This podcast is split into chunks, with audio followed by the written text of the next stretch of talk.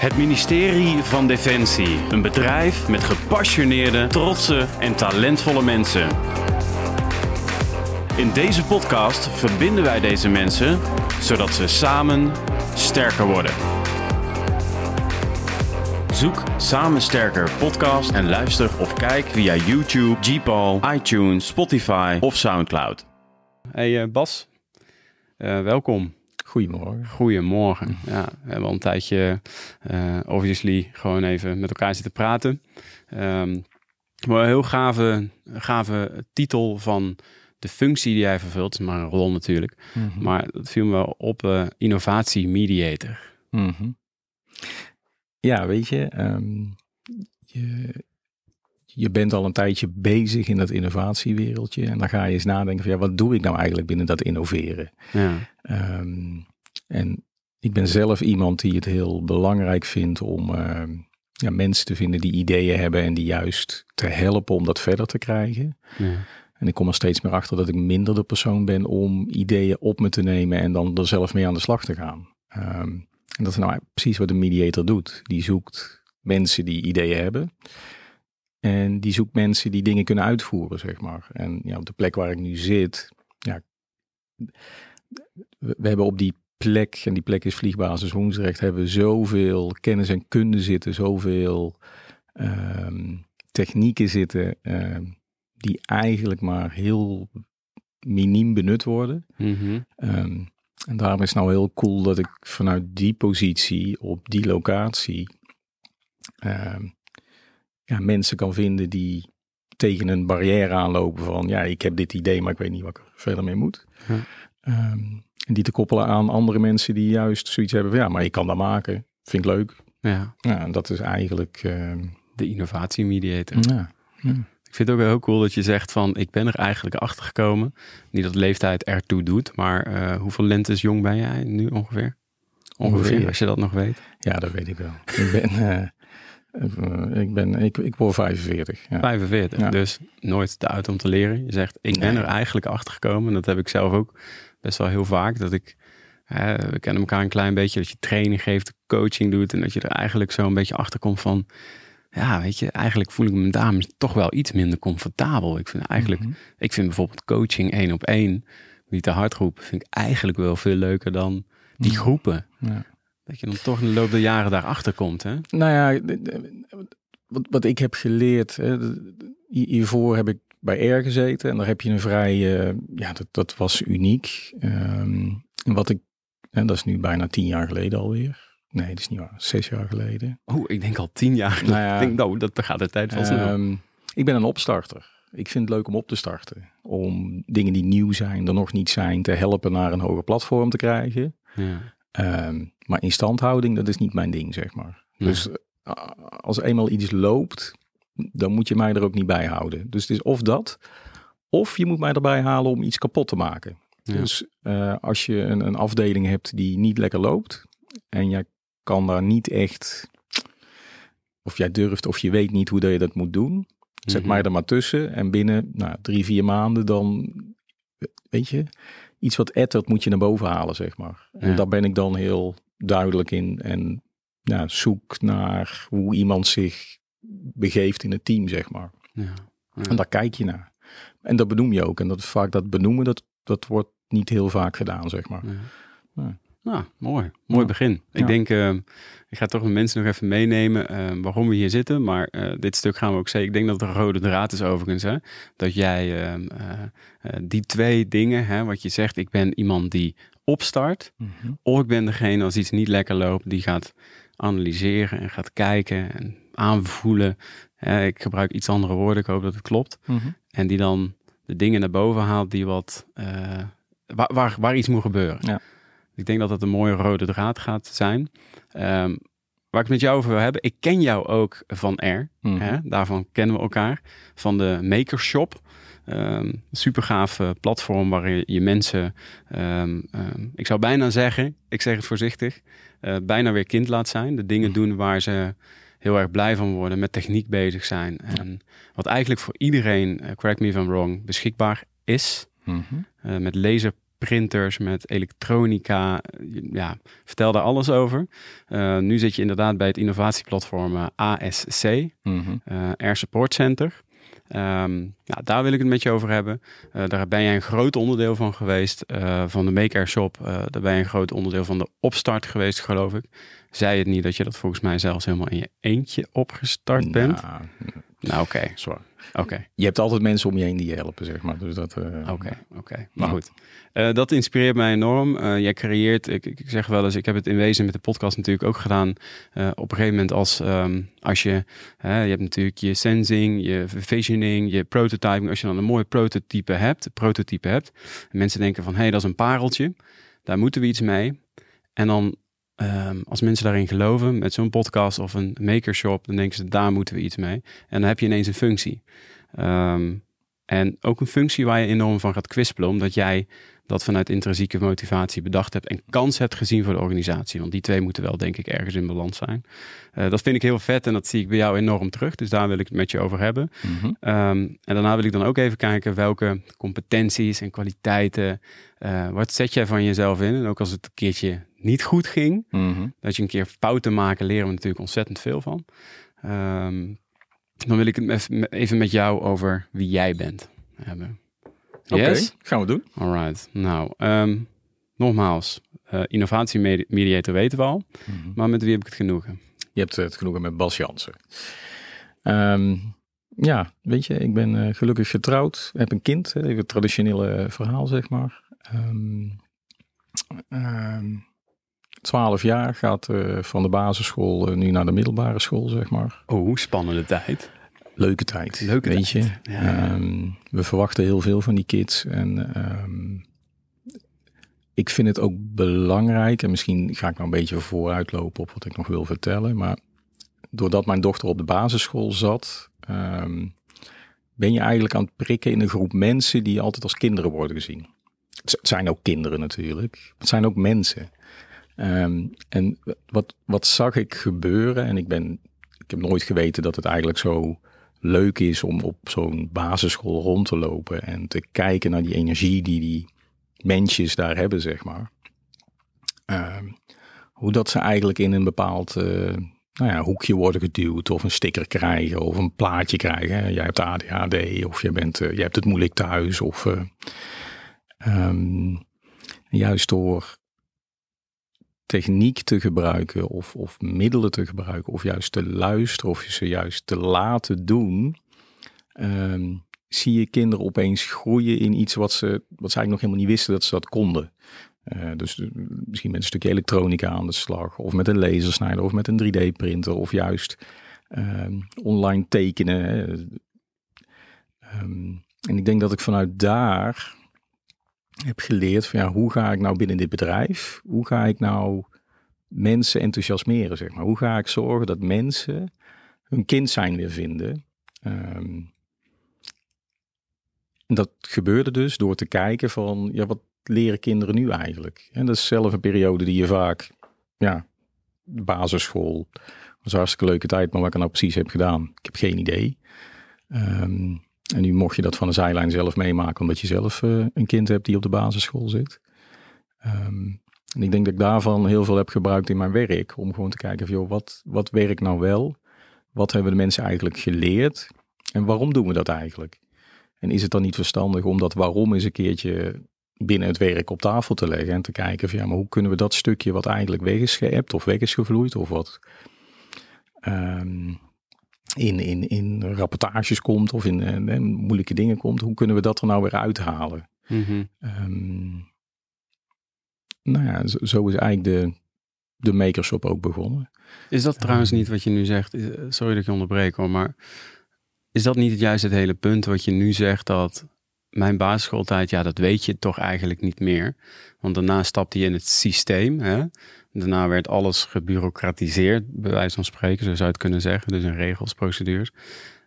Is dat niet juist het hele punt? Dat je dat niet meer weet, omdat dat er misschien wel niet meer mocht zijn? Ja. Um, even denken hoor.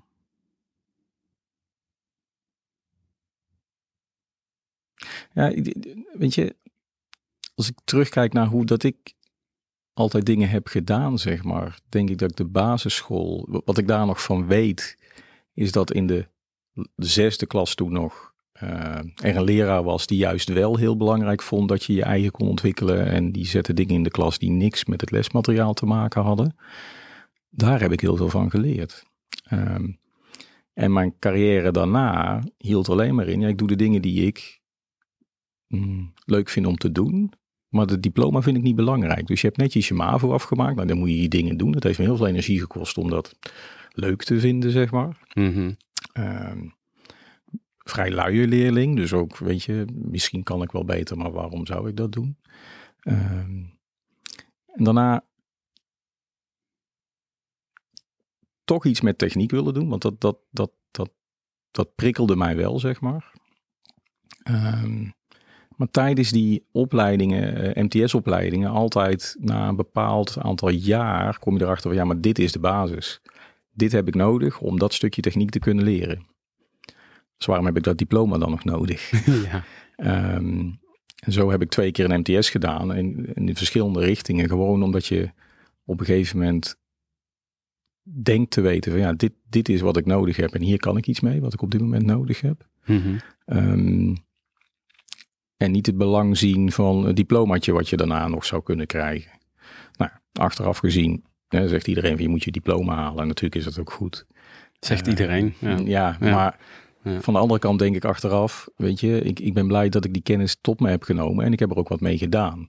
Um, en dat is eigenlijk wat je in de makershop ziet, is dat je daar tegen mensen niet zegt van joh, laat maar zien wat je kunt of wie je bent of wat voor opleiding dat je hebt gedaan. Ik geloof erin dat jij, uh, doordat je je hebt aangemeld en doordat je eigenlijk denkt iets te kunnen in deze ruimte, laat je eigenlijk al zien dat je, dat je iets wil leren. Ja. Um, en dat is heel dat, nou ja, um, zeg maar, leermodel wat iedereen uh, uh, vindt dat nodig is, is niet altijd nodig de huidige techniek en de huidige software en de huidige hardware, die slimme algoritmes die erin zitten van al die slimme koppen die dat hebben bedacht, ga dat nou eens gebruiken, zeg maar. Ehm, en ben niet bang om het fout te doen of om, uh, nou uh, ja, ben gewoon niet bang om het fout te doen. Ben je ook niet bang dat als we gaan vertrouwen op die uh, algoritmes en computers, dat wij uh, beperkt worden in onze uh, vrijheid. Dat, um, dat het ook wel eens mis kan gaan. Dat we op een gegeven moment zeggen: Oké, okay, um, computer says no. Of um, Google Maps doet het even niet, dan weet ik niet hoe ik een kaart moet lezen. Uh, zulke argumenten hoor je natuurlijk wel eens. Dus dat zouden mensen kunnen denken als ze hier naar luisteren als je dat zegt. Hoe mhm. kijk je daarnaar? Ik denk dat je moet leren dat er altijd een oplossing is. Weet je, de computer die gaat jou zeg maar hardware en software is dom. Ehm, en natuurlijk zitten er algoritmes in, um, maar ze zijn nog niet slim genoeg om jou, om een mens te kunnen vervangen, zeg maar. Een mens is gemaakt, vind ik, om oplossingen te vinden voor problemen waar ze tegenaan lopen. Niet om dan stil te gaan staan en te gaan stoppen en in een hoekje te gaan kruipen en te gaan zitten wachten totdat er iets gebeurt. Ja. Nee, ik loop ergens tegenaan, het lukt niet en hoe ga ik dit oplossen? En uh, daar kun je techniek voor gebruiken. Dat mhm. mag, dat is prima. Um, maar en volgens mij probeer ik dat mensen ook duidelijk te maken. Ben er je bewust van dat je in een fysieke wereld leeft. En dit die fysieke wereld, dat daar is waar wij zitten, waar wij in leven en waar wij dingen uh, doen met elkaar, zonder elkaar, uh, op afstand of zonder afstand. Um, en probeer nou eens die techniek te gebruiken om nou, misschien tot verrassende uh, oplossingen te komen. Um, waarbij je als mens altijd zelf mag blijven nadenken over waarom is dit eigenlijk de oplossing? Waarom heb ik dit nou gekozen? Waarom is dit gebeurd? Ja. Um, die vraag hoef je niet altijd te stellen. Die moet je alleen gaan afvragen op het moment dat je zoiets hebt van, hmm, dit voelt niet goed. Ja. Um, gevoel kun je niet uitdrukken, want dat is voor iedereen anders, denk ik. Um, nou ja, volgens mij is dat wel een antwoord. Weet je, ehm, je hoeft niet ik, ik, denk dat we niet alles kunnen vangen in een IT- of computersysteem. Ik denk dat het heel veel kan. Uh, het kan heel snel iets doen. Um, maar een stukje gevoel omzetten in algoritmes, dat, dat ja. Ik, ik, nou, ik, ik denk ook niet dat dat de bedoeling is, zeg maar. Nee. Dus je zegt eigenlijk, uh, we kunnen ons er wel constant druk over maken. Maar een stukje gezond boerenverstand. Uh, op bepaalde momenten jezelf gewoon even afvragen, hoe werkt dat? Um, uh, er even induiken, kijken van, ah ja, zo werkt dat. En dan ook weer afstand nemen op het juiste moment. Um, en vooral die repeterende werkzaamheden. Als ik met een gemiddelde IT'er spreek, die uh, zitten altijd te kijken hoe kunnen we dingen automatiseren. Waar is redundantie, heet dat volgens mij. Hè? Dat we dingen opnieuw herhalen en herhalen en herhalen. Hoe kunnen we dat automatiseren? Ja, op een gegeven moment als dat werkt, al is dat met een simpele Excel-sheet tot een heel complex algoritme. Um, waarom zouden we dat dan eigenlijk zelf nog doen? Als wij juist met intuïtie en gevoel grotere veranderingen teweeg kunnen brengen en daar onze tijd aan kunnen besteden. Nou ja, dat, omschrijf je eigenlijk super. Um, weet je, zorg ervoor dat inderdaad die systemen het saaie werk, wat voor sommige mensen saai is, of misschien voor heel veel mensen saai is. En er zijn ook mensen die het leuk vinden om iedere dag hetzelfde te doen. Dat prima. Ja. Dat, dat, ik denk dat er ook altijd nog ruimte voor moet zijn. Um, maar juist um, inderdaad, laat die systemen nou eens jouw jou, jou repeterende werk, zoals je dat net noemt. Laat ze dat eens overnemen. En dat kan ook in de bouw zijn. Hè? De mooie 3D-printer die een huis voor jou bouwt. Ja. Dat is hartstikke leuk. Maar er blijft altijd, zeg maar, dan blijft er meer ruimte en tijd over waar je als bouwvakker denk ik blij van wordt. Of metselaar blij van wordt. Van die unieke dingen waar je nu geen tijd voor hebt. Hè? Ja. Want jij moet die rijtjeswoningen... Uh, zeven breed, uh, tien lang, uh, moet je met de hand gaan metselen. Ik noem maar een stom ja, voorbeeld. Ja, um, maar ik denk dat we, dat we, dat we terug kunnen gaan naar echt, ja, weet je, echte vakmensen die hun vak gewoon altijd mogen uitvoeren, zeg maar. Ja, en de keuze kunnen maken van ja, ik heb eigenlijk deze week niet zo'n zin in dat unieke nieuwe ding waar ik over na moet denken. Ik ga toch maar even een muurtje metselen van 7 meter. Ja, mooi. Uh, mooi. Nou, nou, cool. Hey, voordat we naar de. We zijn er al een klein beetje ingedoken in de makershop. -hmm. um, uh, uh, ben je getrouwd? Ja. Getrouwd. Um, Eén kind dus, wat je zei. Mm -hmm. 12, zei dat goed? Ja. 12 jaar oud. Uh, je werkt bij het CLSK. Hè? Mm -hmm. um, je, kun je nog eens iets meer vertellen? Hoe lang werk je bij Defensie? Wat, ja. uh, welke functies heb jij? Gewoon even in het kort, dat de mensen een beetje een idee hebben waar ze vandaan komen. Dan duiken we daarna lekker de makershop in. Dat is goed. Ik ben in 96 uh, opgekomen bij de Landmacht. Daar heb ik uh, vijf jaar ehm, gezeten als technisch specialist. Leopard 1 uh, bergingstank, zeg maar. Echt een vet ding. Uh, oh, joh, vet dat geluid. Niet, joh. Uh, nou, weet je, het, het, het, het, mooie van het apparaat is dat het nu nog steeds wordt gebruikt, zeg maar. Absoluut niet milieuvriendelijk, maar wel een heel vet apparaat. Um, en wat ik daar leerde is dat bij het landmacht zijn is leuk, maar je bent een nummertje. Um, en je kunt, als technisch specialist kun je nog wel vrij snel wisselen van wat je doet. Dus ik ben ook vrij snel eigenlijk na een jaar of drie al uh, gaan kijken van joh, dat monteurschap dat is leuk, maar dat is alleen maar modules wisselen. Waar kan ik wel iets mee betekenen? Oh, bedrijfsbureau, daar zag ze net een computersysteem en dat was allemaal nieuw. Nou, volgens mij kan ik dat wel. Ben je als onderofficier begonnen bij nee, Defensie? als, uh, als corporaal. Oh, Oké, okay. oh joh. En um, maar goed, dus, en toen kwam ik er eigenlijk achter dat ik het veel leuker vind om mensen te helpen. Dat doe je natuurlijk ook als je sleutelt. Maar ook in de logistiek of in bedrijfsbureau of maakt niet uit. Ik vind het leuk om mensen te helpen. Uh, ja. Om ze aan de gang te helpen en daarna te zeggen van ja, dat kun jij ook. Ga aan de slag. Toen ben ik in 2001 overgestapt naar de luchtmacht, hè, contracten. Um, en ik wilde wat dichter bij, uh, bij huis gaan werken, zeg maar. Het was toen heel gewoon dat als je bij de landmacht aangaf, ik woon hier, dan werd je aan de andere kant van het land geplaatst, zeg maar. Dus rekening houden met woon-werk, dat, dat was er toen niet bij. Nee. Um, in het lokale blaadje van, uh, van, van, van Brabant zag ik staan een advertentie voor een onderofficier uh, logistiek. Ik dacht van, nou, top. Hey, op het lijf geschreven. Geelse ja. rijen, dichtbij in de buurt. Uh, dus zo de overstap gemaakt van landmacht naar luchtmacht. Uh, onderofficier geworden. Uh, zeven jaar op de inkoopafdeling gezeten. En het leuke van die, dat is misschien nog wel leuk. Ik, ik, ik heb ook alleen maar mensen ontmoet die, die anders waren, zeg maar. Dus misschien nog wel leuk. Toen ik van de, de, de, logistieke opleiding afkwam, maar dat duurt een paar maandjes. Toen, uh, een meisje die bij mij aan de opleiding zat, die, die ging ook naar gilzerijen. Die had ook plaatsing, zeg maar. En uh, we waren op donderdag of vrijdagochtend al klaar. En ik zei van, nou weet je, zij woonde in Breda. Zullen we even langs schilzerijen rijden? Gewoon, we hebben geen afspraak. Die staat pas voor volgende week dinsdag. Maar laten we er gewoon even langs rijden. Dus even ja, kennis maken. En um, dus dat gedaan.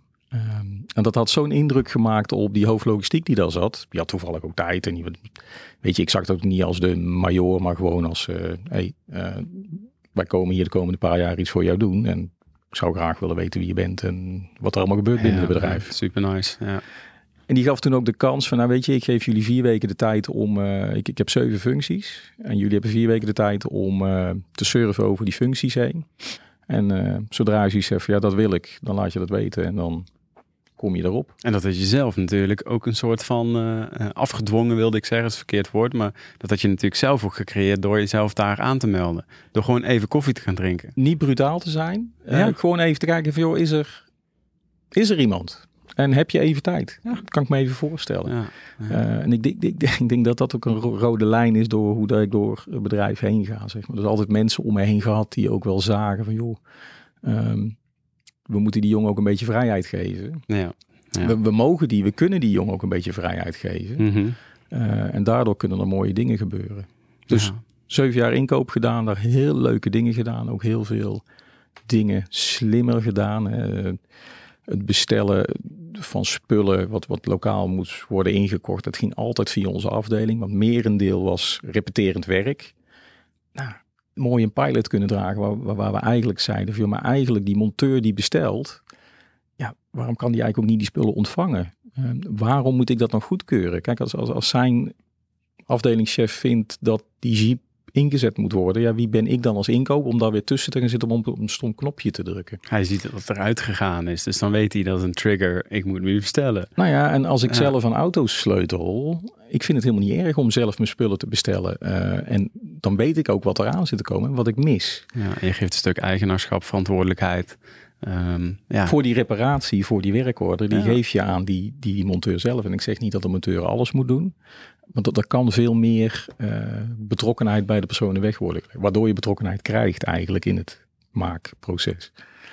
Um, nou, en daarna eigenlijk alleen maar projecten gedraaid op het gebied van SAP, ehm, R. Twee keer een uitzending gedaan, tussendoor nog ergens. Het mooie bij de luchtmacht is dat je eigenlijk niet zo vaak wordt aangewezen. Maar dat je, nou ja, als je op een bepaalde plek zit, dat je echt moet, je vinger op moet steken. En dan, uh, dan kon je weg.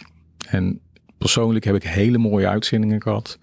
Geen uh, enge dingen meegemaakt, maar hele mooie ervaringen opgedaan. Ja, ja. Um, nou ja, dat is uh, na hè, de laatste uitzending heeft ervoor gezorgd dat ik bij R uitkwam eigenlijk. Door heel toevallig een gesprek op een trap. Ja. Uh, op een vliegtuigtrap. Um, oh, ook nog eens. Ja, dat um, een beetje misschien ook wel leuk om te vertellen hoe dat dan ging, zeg ja, maar. Ja, zeker. Um, de toenmalige CLSK, die uh, Alexander Snietger, die een paar weken geleden overleden is. Um, die, uh, die was op, op doorreis van Afghanistan naar, terug naar Nederland. Die was met onze betrouwbare kist meegevlogen die in Dubai stilviel.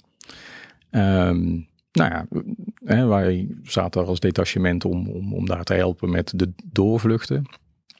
En er was ruimte voor ontbijt. Nou, ik had zelf de functie om de papieren te regelen, dus ik was niet bij het ontbijt. Um, en um, op een gegeven moment, uh, toen kwam ik Margot tegen. En Margot was de toenmalige, ik weet niet precies, officier-adjudant, hoe dat het heet, toegevoegd aan de Celeskamer alles te regelen. Ik kende Margot nog uit de logistieke tijd. En die zei van, joh, hoe is het nou met jou? Waar loop je tegenaan? En toen gaf ik eigenlijk aan van, joh, ik vind dit hier op dit, dit stukje uitzending, dat is zo geweldig je moet, je, nee, je moet, je moet niet, je mag netwerken uh, met mensen uit andere landen. En dat is zo vet. Uh, je leert al zoveel dingen. En, nou ja, um, en dat ik dat juist miste als ik terug in Nederland was. dat, dat, ja, ja. Weet je, dat je hier wel je verantwoordelijkheid krijgt en die, dat je die ook mag nemen. En die mag je misschien nog wel meer nemen dan dat je dat zou willen. Um, en toen zei ze van, joh, je moet eens even een mailtje sturen naar Eleanor. Uh, met jouw frustratie of met jouw verhaal, zeg maar. En wat jij zou kunnen betekenen voor een andere luchtmacht. Um, eerst over nagedacht, mailtje gestuurd. En uh, ja, toen eigenlijk twee weken later of zo, drie weken later, toen kreeg ik een belletje. Joh, waar ben jij? Ja, ik zit nog in Dubai. Oh, wanneer kunnen we een keer praten? Nou ja, zo is het. Nou ja, en, en toen, toen, toen, toen heb ik in, in, in, in, in mijn week verlof... Uh, in mijn eerste week verlof, die vrijdag uh, voordat we op vakantie gingen, uh, we hebben altijd heel veel honden gehad. Mijn honden weggebracht naar mijn ouders. Ik zeg, ja, dan heb ik nog even tijd om met jou te praten. Dan kan ik in ieder geval jouw fysiek even zien. Dus als je niet erg vindt, kom ik wel in mijn hondenoutfit, zeg maar. Want dat doe je niet in je beste kleren. Ja. Um, dus ja, dat is prima. Doe even lunchje. Ja, en weet je, dat, dat voelde al oké. Um, en toen dat gesprek, ja, dat, weet je, dat klikte gewoon. Zij was gewoon op zoek naar een opstarter. Er was toen net, ja, ze hadden de afdeling, en, maar nu moest het nog gaan groeien. even voor de mensen, Ambition, Innovation en Results. Results een innovatieclub van, uh, van de luchtmacht van het CLSK die in 2014 14 is opgericht. Ja. En uh, toen ja, echt nog in de, in, de, in, de, in, de, in de kinderschoenen stond, zeg maar. En ja, ze zocht een onderofficier, want officieren die waren er genoeg. maar ze zocht een onderofficier om uh, ook dat verschil te kunnen maken, zeg maar. Die dus niet bang is om, uh, nou ja, de, om, om, om, tegen mensen te praten of uh, bang te zijn voor de rangen die iemand op zijn schouder heeft, zeg maar. Ja, gewoon de mens als mens ziet. Eigenlijk. Ja, ja weet je, iedereen is mens. Ja. het maakt niet uit waar je zit, of dat je nou premier Rutte bent of Angela Merkel. ze hebben allemaal dezelfde behoeften zoals die ik en jij ook hebben, zeg maar lekker eten, gezelschap en uh, leven, zeg maar. Hey, jij was een onderdeel hè, van, uh, van R. Mm En welk moment ontstond um, het idee om met een makershop, welke behoefte was er volgens jou? Je hebt net natuurlijk al een klein stukje verteld over laat mensen alsjeblieft, uh, um, je hebt over jouw MAVO-tijd verteld, laat ze alsjeblieft weer kind zijn. En welk samen ook wel een beetje kwamen we daar tot. welke behoefte was er op een gegeven moment dat je zag van, hey, ik zie hier iets, die dingen wil ik op elkaar knopen. En ja, nu is er een website. Ik heb gisteren de website zitten bekijken, www.makershop.nl. Um, waar prachtige dingen gebeuren. 3D-print, dingen printen voor logistieke doeleinden. Uh, volgens mij hebben jullie ook iets voor COVID gedaan, zag ik. Ja. Uh, voor voor uh, corona. vertel eens, hoe ging dat? Wat gebeurde er? De toenmalige luchtmachtraad, die, uh, dat, moet toch beginnen, die zijn in 2015 eh, zijn die naar uh, Silicon Valley geweest om de Singularity University te volgen. Um, en de Singularity University, dat is een moment waarop high-tech bedrijven zoals een Google of een Amazon of nou ja, high-tech software en applicatiebedrijven um, bepaalde lagen uit het bedrijfsleven bij elkaar haalt en zegt van joh, deze technologieën zien, hebben wij en zien wij aankomen.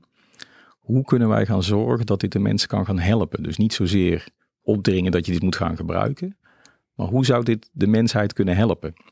Um, en natuurlijk zit er een factor geld achter, maar als je dat eventjes loslaat en echt denkt naar de, hè, of echt focust op de intenties waarom ze dat uh, doen, kijken welke technologieën we kunnen gaan inzetten in de toekomst, in de nabije toekomst, om um, de wereld een stukje beter te maken. Um, en wat, ik, ik, ik, was er niet bij, uh, maar wat Alexander daarmee terug heeft genomen en Eleanor ook, was, was tijdens de koffiegesprekken die er waren, uh, kwam heel vaak naar boven dat die techbedrijven allemaal een soort ruimte hadden ingericht waarin zij uh, mensen de ruimte gaven om dingen te ervaren die ze normaal niet konden ervaren. Dus um, ik noem maar iets, bijvoorbeeld toen een HoloLens. Ja, dat, was, dat is een vrij kostbaar ding. Dat heeft over geld. Maar ja, als je niemand dat ding laat gebruiken, dan weet je ook niet wat er mis mee is en wat het kan en wat het. Um, dus richt nou eens een ruimte in waar mensen in hun eigen tijd, op het moment dat zij eraan toe zijn, uh, daar binnen kunnen lopen, zo'n bril op een knar kunnen zetten. En gewoon ervaren wat het is. En misschien wel nagaan denken, ja, maar als het dit kan, dan zou dit en dit misschien ook wel kunnen. Dus ga niet vanuit de designer van die bril bedenken, ja, dit kan het allemaal. Nee, maak iets. Gooi het los. Um, en laat je eigen verrassen door wat mensen daarmee gaan doen en kunnen. Mm -hmm. Nou, um, ze kwamen terug. En ja, weet je, ik ben altijd al een maker of iemand geweest die belangrijk vindt van, uh, weet je, als je een probleem hebt, zoek dan naar je eigen oplossing of ga zelf op zoek naar een oplossing. Um, en toen kwam dat eigenlijk als opdracht terug naar de toren. Hè. De toren, dat is de CLSK-toren. Nou, daar werd toen wel binnen de managementlaag gevraagd van, joh, we willen iets met een idee doen waarbij we een ruimte gaan maken waar mensen ja, met fysieke dingen iets kunnen gaan doen. Daar werd eigenlijk niet op gehapt. En toen ik het hoorde, ja, het kwam dan ergens, weet al niet meer. Toen zei ik van, ja, maar dat, weet je, dat is leuk. Daar wil ik iets mee doen. En wat mij helemaal triggerde, is dat het ook nog eens uh, binnen vier maanden moest staan. Waarom? Uh, aan het einde van die vier maanden zou de toenmalige CLSK ook uh, wisselen van wacht. Hè? Dus het was zijn einde diensttijd, zeg maar. En iedereen zei, zo'n ruimte kun jij niet, dat lukt niet. Je kunt niet binnen, binnen vier maanden zo'n ruimte in de weg hebben gezet. Mm. En kan niet, dat triggert bij mij van, ja, ja kan niet. Tuurlijk kan dat wel. Alleen je zult zelf wat weer moeten doen. Dus ga niet zitten wachten, maar ga juist actief aan de slag. Um, en zo is in januari 2016 heb ik de opdracht gekregen. Uh, binnen twee weken een pitch gemaakt van, joh, dit is er denk ik nodig. Hè, gewoon gekeken in via het internet en gewoon, uh, wat, wat, is nou eigenlijk een makerspace of een fablab of hoe dat we toen ook noemden, zeg maar. Mm -hmm. uh, gebeld, langs gegaan, een beeld gevormd, dat omgezet naar een pitch. Uh, gepitcht voor geld, want je hebt wel geld nodig. Je kunt niet zomaar iets doen zonder dat je spullen hebt, zeg maar. Ja. Um, Kun je dat nog herinneren? Wat, uh, wat die pitch was, ongeveer? In, in grote lijnen. Als je nu mij die pitch zou moeten geven, mm -hmm. wat heb je daar toen uh, gezegd? Want daar heb je goed over nagedacht natuurlijk. De, het voornaamste was is dat we vertrouwen geven in de mensen. Um, dat we, dat, dat we een hoop technieken hebben die nu al verkrijgbaar zijn en uh, waar eigenlijk geen grote, geen lange leercurve voor nodig is. Uh, en dat we daarom daar in moeten gaan investeren. Um, kost relatief weinig en je krijgt er een hoop voor terug. Ik denk dat dat zeg maar het doel was van de pitch. En als ik er nou eventjes over nadenk. Um, vooral het feit dat, um, hmm, dat je eigenlijk een, een, een, een, afdeling of een manier van werken ging introduceren. Uh, waarbij de mensen niet door hadden dat ze eigenlijk zelf die werkplaats aan het bemannen zijn, zeg maar. Zonder dat ze op functie zitten. Uh, maar juist door het gebruik van de ruimte en het slim positioneren van de machines en het slim positioneren van instructies, Um, dat je mensen leert dat een werkplaats meer is dan alleen maar een werkplaats van 8 tot 5. Ja, ja. Um, ja, was dat toen al belangrijk? Nee. Had ik toen gewoon geluk dat uh, de Lumara net naar de Singularity University was geweest en dus ook een beeld hadden van ja, dit, dit is eigenlijk makkelijk uit te voeren en uh, ga maar gewoon doen, zeg maar. Maar het is toch ook momentum, dus jij zag, en dat is dan weer jouw persoonlijkheid, um, Um, jij zag ook van, oké, nu komen er een aantal dingen die komen bij elkaar. Mhm. Dit is het momentum dat ik pitch. Jij ziet een kans. Het gaat niet om jou dan. Hè? Het gaat om de mensen in de organisatie. Uh, en jij ziet van, oké, als ik dit moment, dat denk je niet letterlijk, maar als ik dit moment ga pitchen, dan komt alles bij elkaar. En dan gaat het er ook komen binnen, binnen zo'n korte tijd. Omdat iedereen uh, zijn focus daar nu op heeft, heeft liggen, zeg maar. Ja. ja, nou ja, terwijl je dat zegt, denk ik van ja. Achteraf gepraat, hè? Nou, weet je, ik, ik denk daar niet zo vaak over na. Ik denk daar niet zoveel over na. Ook net zoals voor deze podcast. Ja, weet je, ik kan er wel helemaal voor gaan bereiden, maar ik, ik zie wel wat er komt. Um, en ook als zo'n pitch, nou ja, niet goed wordt ervaren. En misschien is dat nog wel fijner dan dat het allemaal wordt geaccepteerd, zeg maar. Um, ik, ik, ik ben wel heel goed in loslaten. Dat is iets wat Eleanor ook tegen me zei toen zij wegging bij Air joh, van wat, van wat ik van jou heb geleerd, is dat jij zo makkelijk loslaat. En ja. wat bedoelt ze daarmee? Ja, als jij vindt dat iets niet werkt, dan zeg je, ja, dit, dit is het niet. Uh, dus dan gaan we iets anders doen. Ja. Uh, en ik denk als je zo ook een pitch ingaat, niet emotioneel gezien, maar juist heel zakelijk gezien, eigenlijk misschien toch wel zakelijk. Um, en in dit geval vooral gericht eigenlijk op die sociale innovatie, waarbij je de techniek gaat gebruiken om die sociale innovatie voor elkaar te krijgen. Uh, ja, dat sprak toen heel erg aan. En ik denk dat ik dat in mijn pitch naar voren heb laten komen. Ja. Ehm, en dan het feit dat je eigenlijk een weddenschap met die mensen aangaat tegen de non-believers. Ja, dat gaat nooit werken. Die zegt, ja, maar dat gaat maar wel lukken. Ehm, en ik denk dat ze dat eigenlijk ook een beetje wilden zien. Van, joh, laat maar zien wat je kunt. Ja. Ehm, en dat ging. Dus ja, in mei 2016, 10 eh, mei 2016, uh, mooie opening gehad en uh, aan de slag gegaan. En ja. heel veel dingen zelf gedaan. Ook mijn, mijn, vrouw die heeft mij lopen schilderen in, in, een, in een groot gebouw, zeg maar. En, ehm, oh, echt? mensen in de organisatie gevonden die nou, eigenlijk al meteen van overtuigd van ja, dit, dit, hier moeten we in ondersteunen. Dus ook een aantal mensen gevonden die mee hebben geholpen met 3D-printers in elkaar te schroeven. En ja. Um, ja, gewoon heel leuk om te zien dat mensen, ehm, als je ze vraagt van, joh, kun je eens meedenken en ze niet meteen verplicht om mee te gaan doen, maar zou je eens mee willen denken, uh, dat dat voor de mensen al ruimte genoeg is om dan ook mee te gaan doen. Ja. Ja, ja, snap je? Ja, ik snap zeker wat je bedoelt.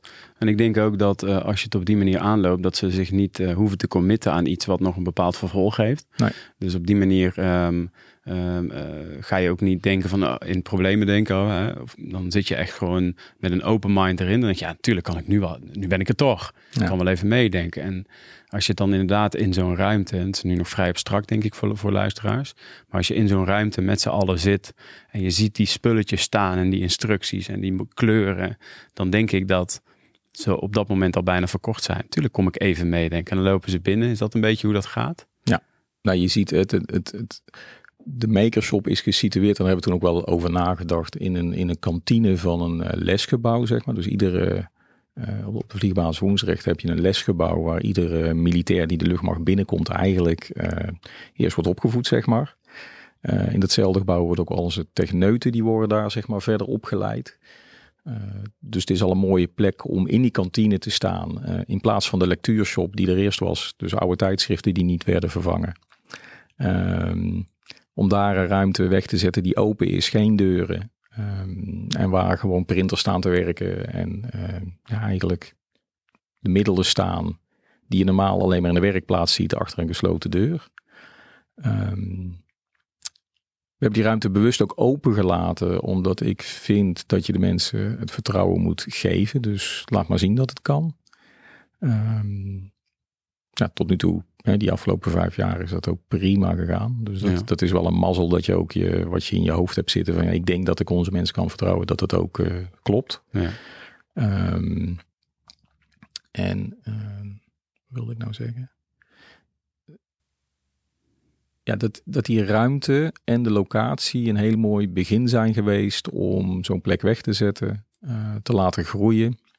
Je hebt iemand nodig die dat vuur wel heeft en wat bedoel ik daarmee? Uh, als er geen bas was, ja, weet je, um, ik denk niet zozeer in een functie. Nee, ik doe wat ik doe.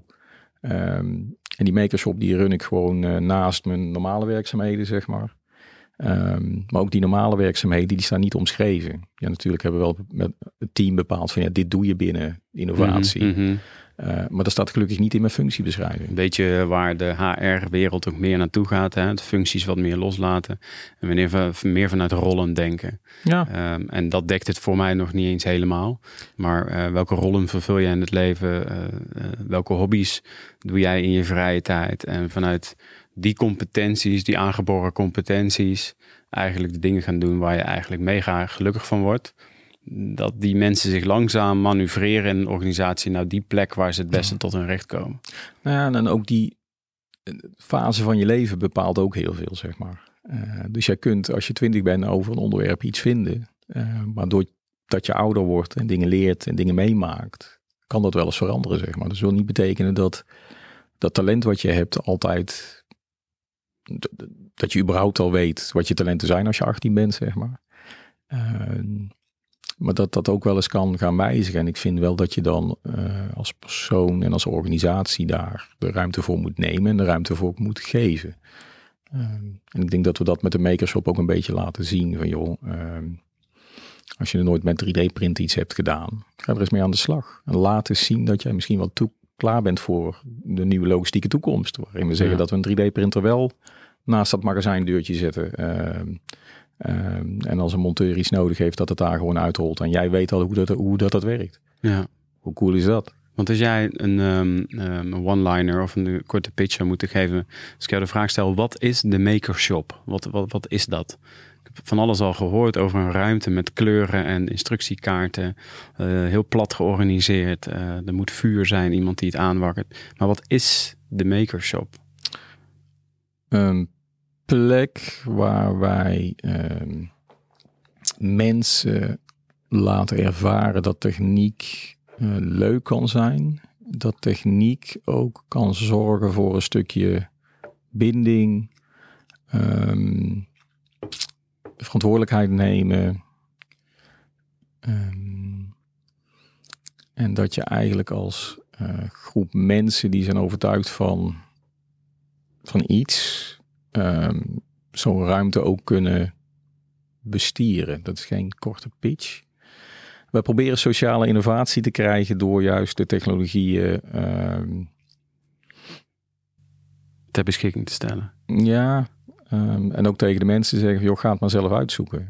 Um, laat je verrassen door hoe slim die technieken al zijn en hoe ze jou kunnen helpen. Ja. En ben niet bang dat je iets niet weet. Uh, zoek de kennis die je nodig hebt via het internet of anders via de groep mensen die is verbonden met de Maker Shop.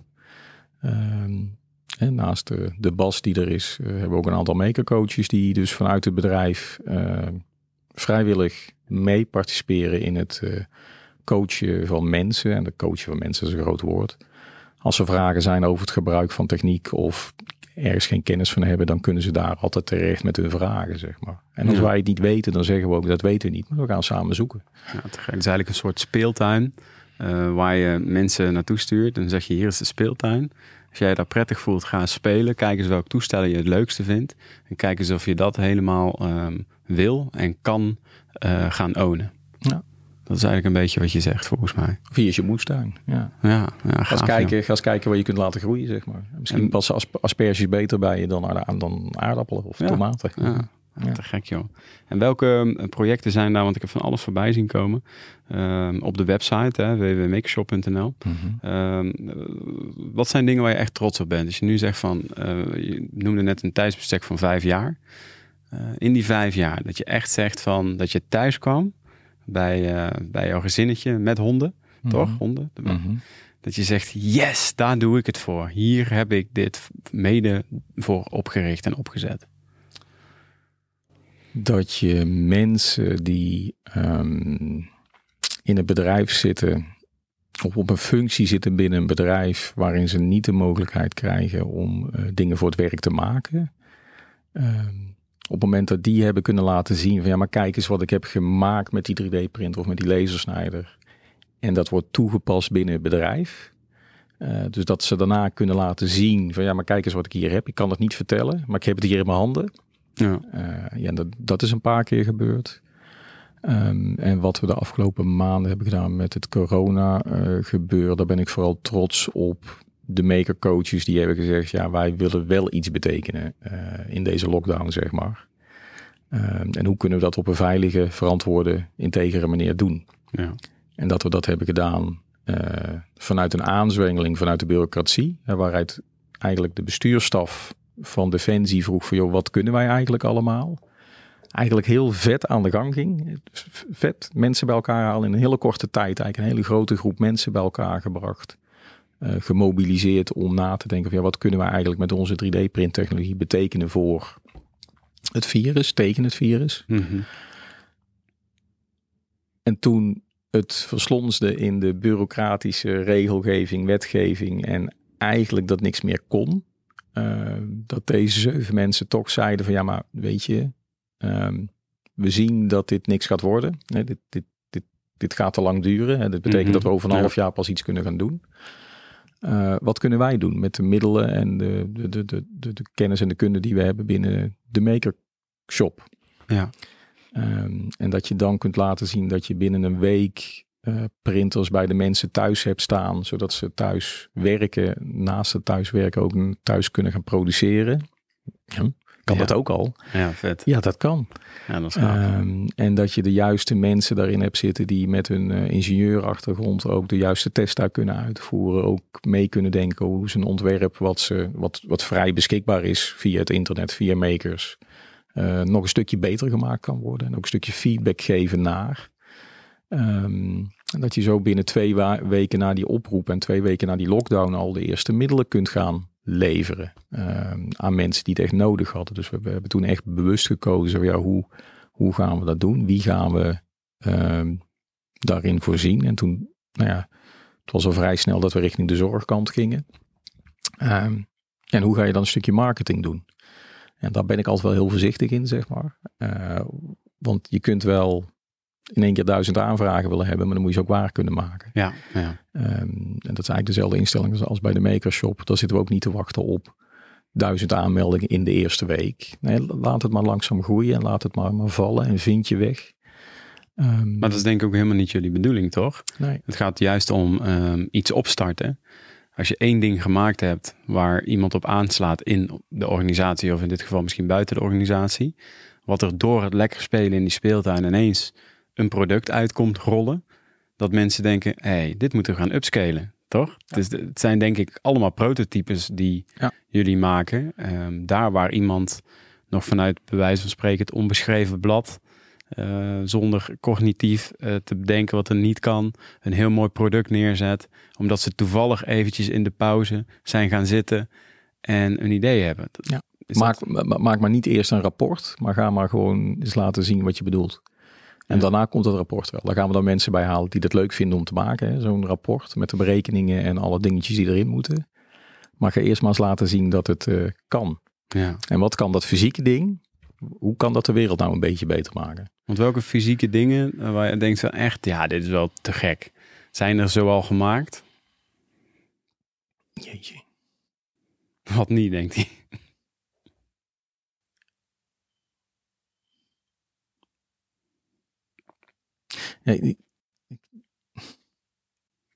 Ja, kijk, zelf maak ik eigenlijk ook niet zoveel daar, zeg maar. Ik zorg ervoor dat andere mensen um, daar iets kunnen doen, daar iets kunnen maken.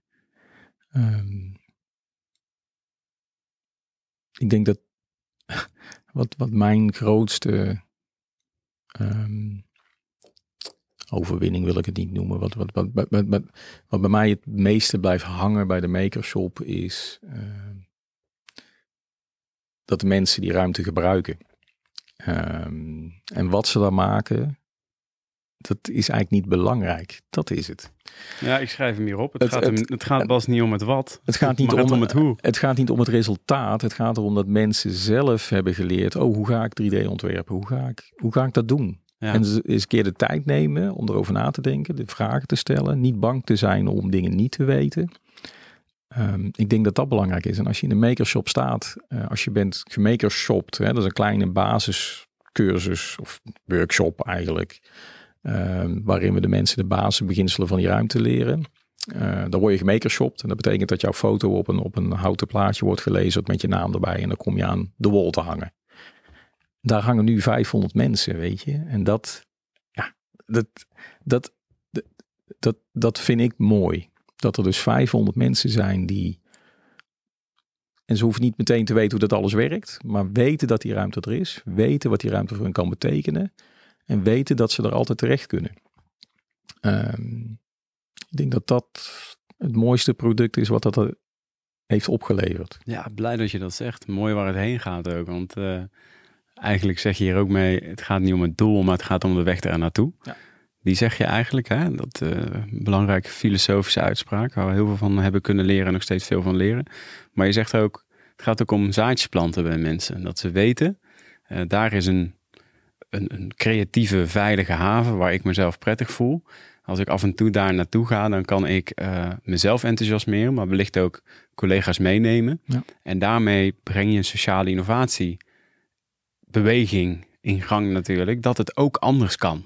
Ja, dat je, een, van de afspraken in de makershop ook is dat iedereen gelijk is. En iedereen, iemand kan wel slimmer zijn dan jou, maar slim is ook maar een begrip.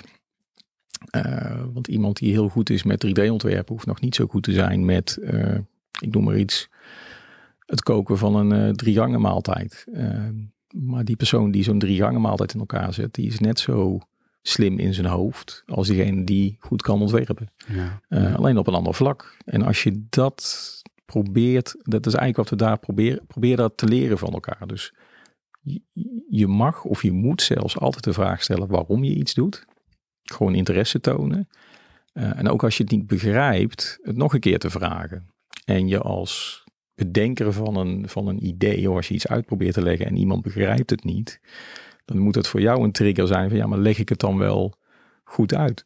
Ja. En is het niet mijn, moet ik dan niet nadenken over andere bewoordingen? Of eigenlijk net wat jij doet in deze podcast, dat jij meeluistert en meedenkt van ja, wat, wat zegt hij nou eigenlijk? Um, begrijp het niet helemaal, maar zou dit het kunnen betekenen? Ja. En ik denk als je dat mensen kunt leren, ook op de werkvloer, dat het ook op de werkvloer een stuk relaxter zou zijn. In plaats van dan dat we gaan lopen wijzen van, oh Henkie kan dat niet. Ja. Dat we eens gaan vragen aan Henk van, ja, waarom lukt het niet?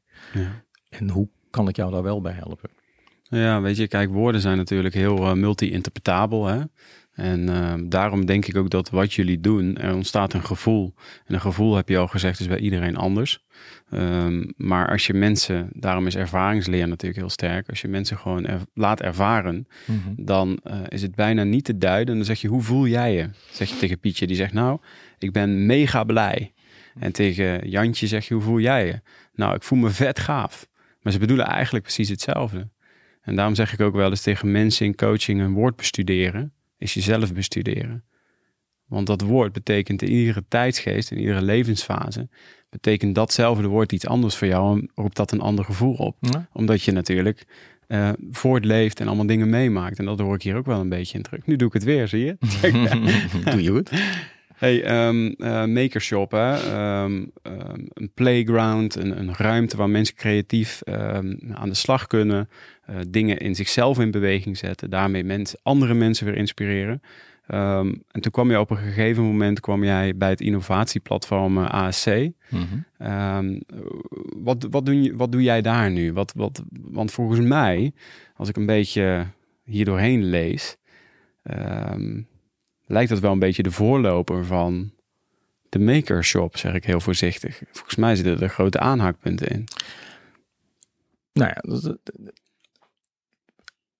ik doe even een klein stapje terug. Ehm, we hadden toen straks over Air. En Air werd vanuit de centrale organisatie, vanuit de luchtmacht, werd dat eigenlijk gebruikt om sociale innovatie en, en technische innovatie eigenlijk voor elkaar te krijgen. Ehm, maar wat je daar leert, wat ik daar heb geleerd is dat je als je op een strale plek zit uh, en je probeert de mensen op de velden te bereiken, dat die afstand stiekem heel groot is. En dan kun je zeggen, je kunt ook mailen en je kunt ook videobellen en je kunt ook bellen. Mm -hmm. Voor de landmachters, de velden zijn uh. Ja, juist. Um, en wat ik miste was, um, of wat ik vond bij de vliegbasis Woensdrecht, is dat daar heel veel mensen zitten die heel veel competenties hebben, uh, maar waar maar heel weinig van die competenties worden gebruikt. Omdat ze binnen de luchtvaart hè, moeten ze dit stukje doen en je mag niet meer doen. Je moet de boekwerken volgen. Ja, maar dat zegt niet over dat ik als mens niet meer kan, zeg maar. Ja. Uh, dus we hebben daar heel hoog technologische apparatuur staan, mensen staan en we gebruiken het bijna niet dus nou een beetje zwart-wit. Hè? Natuurlijk gebruiken het wel, maar we kunnen er veel meer slimmere dingen mee in doen. In hun avonturen zijn ze voorzitter van de toneelvereniging en uh, laten ze allemaal competenties zien die ze ook hebben, maar die worden overdag in hun werk eigenlijk niet gebruikt. En uh, ja, toen, toen werd eigenlijk vanuit de vlieg, vliegbasis Woensdrecht gevraagd, ja, we zoeken eigenlijk iemand die ons daarbij kan helpen. Dus we hebben ook ingezien dat we een stukje sociale innovatie uh, hier dat dat plaats kan gaan vinden. Het is de juiste tijd, de juiste, het juiste moment. Um, maar er hebben wel iemand voor nodig, of mensen voor nodig, die dat, die dat ook willen doen. Mm -hmm. um, Drink trouwens wel, hè? je kan gewoon drinken. Ja, ja, Ik schenk wel bij tussendoor. Het is geen uh, drank overigens. Het is een non-alcoholische versnapering. Water. Lees water. Hm. En toen ben ik um, dus ze zochten op de vliegbasis Woensdrecht iemand om mee te gaan denken van ja, hoe kunnen we sociale innovatie um, eigenlijk hier van de grond krijgen? Hoe kunnen we die, die techneuten die in die werkplaatsen zitten nou eens uh, gaan zorgen dat ze die werkplaatsdeuren open gaan zetten? Um, ja, dat, het, het voordeel nu op vliegbasis Hoensrecht is, omdat je daar ook zit, is het even langslopen bij iemand die een goed idee heeft, is zo gebeurd. Even dat bakje koffie gaan drinken, even jou in de ogen kijken en vragen van ja, wat, wat, wat heb je nou bedacht en waarom heb je dat bedacht? En vooral het waarom is belangrijk. Um, geeft de mensen meer vertrouwen in, oh, maar dit kan wel eens gaan werken. In plaats van dat ze iets in de mailbox duwen, oh, ik heb een goed idee en that's it. En natuurlijk doen we dat ook wel. Uh, maar je merkt gewoon de snelheid van de reactie daarop is veel makkelijker uit te voeren dan vanuit de centrale organisatie. Ja, de lijntjes zijn korter en het komt niet in een onderste bureau terecht. Nou ja, ja, en ook al bedoelt zo'n persoon het vaak niet, uh, maar wordt vaak ook oversteld met zijn andere werk of juist van, ja, hoe moet ik daar nou iets mee gaan doen? Ehm, en wij krijgen dan nu juist de ruimte voor om daar juist wel snelheid en ruimte en geld en middelen tegenaan te zetten. Um, en dan even terugkomend op jouw vraag. Wat was jouw vraag? Mijn vraag was um, dat ik het idee heb dat uh, wat jij in beweging hebt gezet, want daar hebben we het eigenlijk mhm. over, bij de Makershop. Oh ja. Uh, toen werd je op een gegeven moment gevraagd door het innovatieplatform uh, Air Support Center. En wat ze toen eigenlijk zochten is, joh, die Makershop draait hier nu. Um, en we willen eigenlijk dat, nou, zoals ik het toen heb gepitcht bij hun eigenlijk, van joh, ik, ik, ik zie dat er bij jullie, bij jullie heel veel kennis en kunde is in jullie werkplaatsen, heel veel technologie die dicht staat achter een deur. En ik denk als we aan mensen gaan vragen die die technologie bedienen, van joh, zou jij eens een moment in de week of in de maand open willen staan voor vragen van anderen? Uh, dus interesse van andere mensen die ook op het veld zitten of ergens in de landen zitten. En die zeggen, ja, maar ik zou wel eens willen weten hoe dat zo'n CNC draaimachine werkt, zeg maar. Ja. Uh, of hoe dat de cold spray techniek werkt. Of, uh, en als ze dat nou eens vanuit de bestuurstaf van het veld gaan regelen. Dat mensen dus mogen, mogen zeggen, ja, ik, ik wil eigenlijk wel twee uurtjes in de week op woensdag wil ik openstaan voor, uh, nou, voor iedereen die vragen heeft over dat stukje techniek wat, waar, waar ik heel goed in ben. Ja. Um, en zo zijn de Field Labs ontstaan. Dus Field Labs en Innovation Playgrounds. Afgekort flips. flips. Ja, ja, ik heb het gelezen. Um, Flips. en, leuk. Uh, met die flip, uh, we hebben nu een aantal flips. Uh, dat is eigenlijk niks meer als tijd en ruimte geven voor mensen om iets te vertellen en aan mensen om iets te gaan vragen. Ja. Um, en zo proberen we eigenlijk langzaam ons bedrijf weer een beetje open te krijgen. Um, laat die verantwoording voor die machine nou eens bij die operator liggen. En niet vanuit een bedrijfsbureau die zegt, nou, dat mag niet. Ja, maar weet je, um, nou ja, dus dat, dat is eigenlijk wat we, wat we daar aan doen zijn en wat we ook mogen doen. En wat ook wordt geaccepteerd. Dus dat, dat is wel tof. Ja, ja, ja. en hoe vertaalt zich dat uh, in, in, in de... Uh, uh, in de praktijk? Want uh, gaan jullie dan, wat je al zei, ga je ergens langs? Uh, krijgen mensen een bepaalde waardering als ze iets goeds hebben gedaan? Of hoe, hoe, hoe, is dat? We hebben het over borgen. Hoe wordt dat geborgd in de organisatie? Hoe ziet dat mhm. eruit? Nou ja, als we naar de flips kijken, dan doen we dat vooral door, nou ja, zeg maar, momenten te creëren waar we even bij elkaar komen en even ja, vertellen hoe dat gaat en wat we doen. En ook dingen laten zien. Dus mensen trots laten zijn op wat ze, wat ze kunnen en wat ze doen.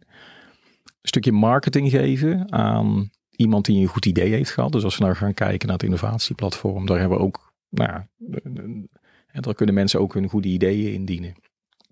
Uh, en wat wij daar doen is echt die inter intermediair spelen. Uh, wat heb je nodig?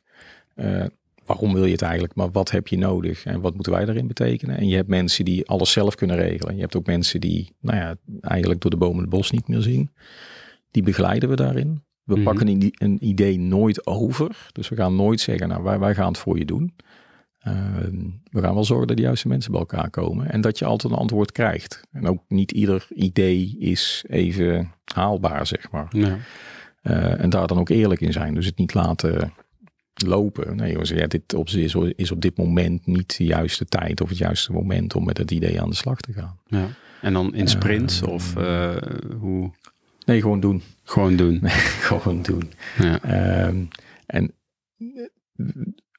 wij proberen ons als innovatieteam, um, en dat team bestaat uit twee vaste mensen en vier mensen die er eigenlijk uh, omheen zitten eigenlijk. Die dus oproepbaar zijn op het moment dat het nodig is. Ehm, we zijn wel nu, binnen een jaar zijn we nu van het uh, papieren sprinten eigenlijk. Natuurlijk doen we dat wel, maar we noemen het niet zo. Uh, we zijn wel naar het digitale sprinten. En dat is eigenlijk al een, een, een innovatie op zich. Want wat, nou ja, wat je eigenlijk... Ja, wat, wat ik bij Air heb geleerd, dat het heel moeilijk is om um, te zeggen dat je gaat scrummen of agile uh, sprinten of agile scrummen. En met een team mensen dat doen die allemaal een individuele weg hebben, is dat heel lastig. En wat we nou zien is dat we met het kleine innovatieclubje wat we hebben, heel goed in kaart hebben wat we in een korte tijd kunnen berekenen. Mhm. uh, en ook in een lange tijd kunnen berekenen. En dat proberen we nou ook te digitaliseren. En het voordeel van het digitaliseren is um, dat je veel makkelijker aan het management kunt laten zien wat innovatie eigenlijk, wat innoveren eigenlijk inhoudt. Um, ze denken vaak dat is leuk en dat, dat, dat, doe je er toch bij. Als je ziet hoeveel tijd alles kost uh, om, om één idee op, nou ja, op, op, op, op, op, op een voetstuk te kunnen krijgen en zeg maar aandacht te kunnen geven die het nodig heeft. Um, dat was voorheen heel moeilijk om dat inzichtelijk te maken. En door nou juist als innovatieclubje te innoveren met uh, digitale technologie, laten we nou eigenlijk op een hele leuke, makkelijke manier zien hoe moeilijk het eigenlijk is of hoeveel tijd het eigenlijk kost om mensen aan de gang te krijgen. Ja, ja. terwijl ze uh, alle ondersteuning nu krijgen vanuit jullie. Ja. Uh, uh, ook jullie, uh, wat je al zei, de functie van mediator. Mm -hmm. Dus ik denk ook dat je dan gaat bemiddelen als iemand een goed idee heeft. Ehm, dat, dat je met de zijn of haar leidinggevende in gesprek gaat. En zegt van kijk, het is een goed idee en dat zou dit op, werkt dat zo een beetje? Niet meteen leidinggevende, eigenlijk meteen de hele basis. Weet okay. je, laat iedereen maar ervaren wat jij doet en wat jij kunt. het maakt eigenlijk helemaal niet uit waar je zit. Maakt eigenlijk helemaal niet uit welke functie je hebt. Ja. Nee, jij als Danny of als Bas, jij hebt een goed idee. Ja. Dat is een van de redenen dat als we iemand belonen met, uh, als, als, een, als je een goed idee hebt en wij denken van ja, dit, dit is iets wat kan gaan groeien, dan krijg je van onze zwartkoord. Dus dat is al één, één momentje dat we eigenlijk jou naar voren halen en met jou direct te collega's eigenlijk laten zien dat jij het lef hebt gehad om een idee in te dienen. Mm. En ook het lef hebt om er zelf mee aan de slag te gaan. Um, is het idee eenmaal uitgevoerd, dan krijg je ook nog een gouden koord met een beloning daaraan vast. Of een waardering moet ik het eigenlijk noemen. Mm -hmm. um, en dat, dat stukje dat is belangrijk. Wat nog veel belangrijker is, is dat je ze daarna ook een, een, een, gezicht geeft voor het bedrijf. En dat is eigenlijk wat we doen via de SharePoint pagina van het bedrijf. En dat is het meest sexy middel wat we hebben binnen dit bedrijf. um, maar goed, doen met wat je hebt. Ja. Uh, en wat je al merkt is hoe leuk mensen het vinden als ze zichzelf terugvinden op een bedrijfspagina. hey, dit is mijn idee, hey, dit is mijn foto, dit is mijn ding. Ja. En ik heb een eigen pagina gehad. Ja, um, en wij maken die pagina voor ze. Dus we doen een st st soort innovatiereportage eigenlijk. Um, en doordat je dat doet, raken andere collega's ook weer nou ja, uh, gemotiveerd om eens na te denken, joh, wat, wat zou ik dan kunnen bedenken? En Gebeurt dat ook? Is ja, dat ook zo? Ja, ja. ja want, want ik roep die dingen ook wel eens. En dan denk ik achteraf van, is dat ook zo? Het lijkt mij logisch dat het gebeurt. Ja. Als je een platform krijgt uh, en mensen zien jou staan. Maar je zegt ja dus. De beste reclame is nog steeds mond-op-mond reclame. Dus uh, toen wij in november vorig jaar ergens waren om een gouden koord uit te reiken voor het op afstand kunnen meten van preventief onderhoud aan een elektromotoren. Toen kwam een collega die kwam, die, die er ook werkte, die, die kwam heel voorzichtig naar voren. Ja, ik, ik heb eigenlijk ook een idee. K kan ik dat eens met jullie bespreken? En weet je? Nee, dat die, kan niet. Die, Jij niet. Nee. nee. En, die beste, en die beste man, die krijgt vanmiddag zijn gouden koord. Uh, die, oh, die, die is zelf aan de slag gegaan. Oh, en dat, met, weg dan. Uh. En met, een, met een heel simpel, uh, simpel idee eigenlijk. Uh, en hij had eigenlijk niks nodig, alleen maar het momentje van ons als innovatieboord. Ja, dit is een vet idee. Wat heb je nodig? Dat, dat, dat, was gewoon nodig. En dat was het enige wat hij, dat was het enige wat hij nodig. En de rest heeft hij allemaal zelf gedaan. Ja. Um, en dat is de waardering die ze daarop krijgen. Dat is een financiële waardering. Die is dus gebaseerd op, op een aantal ja, um, uh, punten die wij belangrijk vinden voor het beoordelen van een idee. En de, deze scoort heel hoog op het punt. Wat heeft hij er zelf aangedaan? Of wat heeft iemand er zelf mee gedaan? Mm -hmm. ja, en dat is, dat, is gewoon super vet. Uh, Om dan te zien dat iemand ziet, hey, dat was zo gauw kort. Ik, ik heb volgens mij ook een idee, maar ik weet niet precies. Ik, ik weet het niet precies of dat wel een goed idee is. En dan alleen maar dat setje heeft nodig gehad van ons. Alleen maar een stukje luisteren en een stukje feedback geven van ja, dit is, dit is vet. Ja, wat tof. Uh, en zo binnen uh, eigenlijk vier maanden een, een, een, een product te hebben wat uh, bijdraagt aan een betere wereld. het zorgt voor minder uitstoot van, van broeikasgassen um, vrij laag in de kostprijs is. En wij hebben er eigenlijk niks aan hoeven doen. Ja. Alleen maar een stukje feedback geven en een stukje motivatie geven, een stukje inspiratie. Ja, nou, een stukje marketing. Ja, ja. En dat, uh, ja dat, dat is super leuk om te doen. Ja. En, en merk je nu ook al binnen de organisatie, als jij terugkijkt, um, jouw tijd bij Air, um, en ook, uh, kijk, je zit er middenin. Ik zit zelf ook in die innovatiewereld. Hè?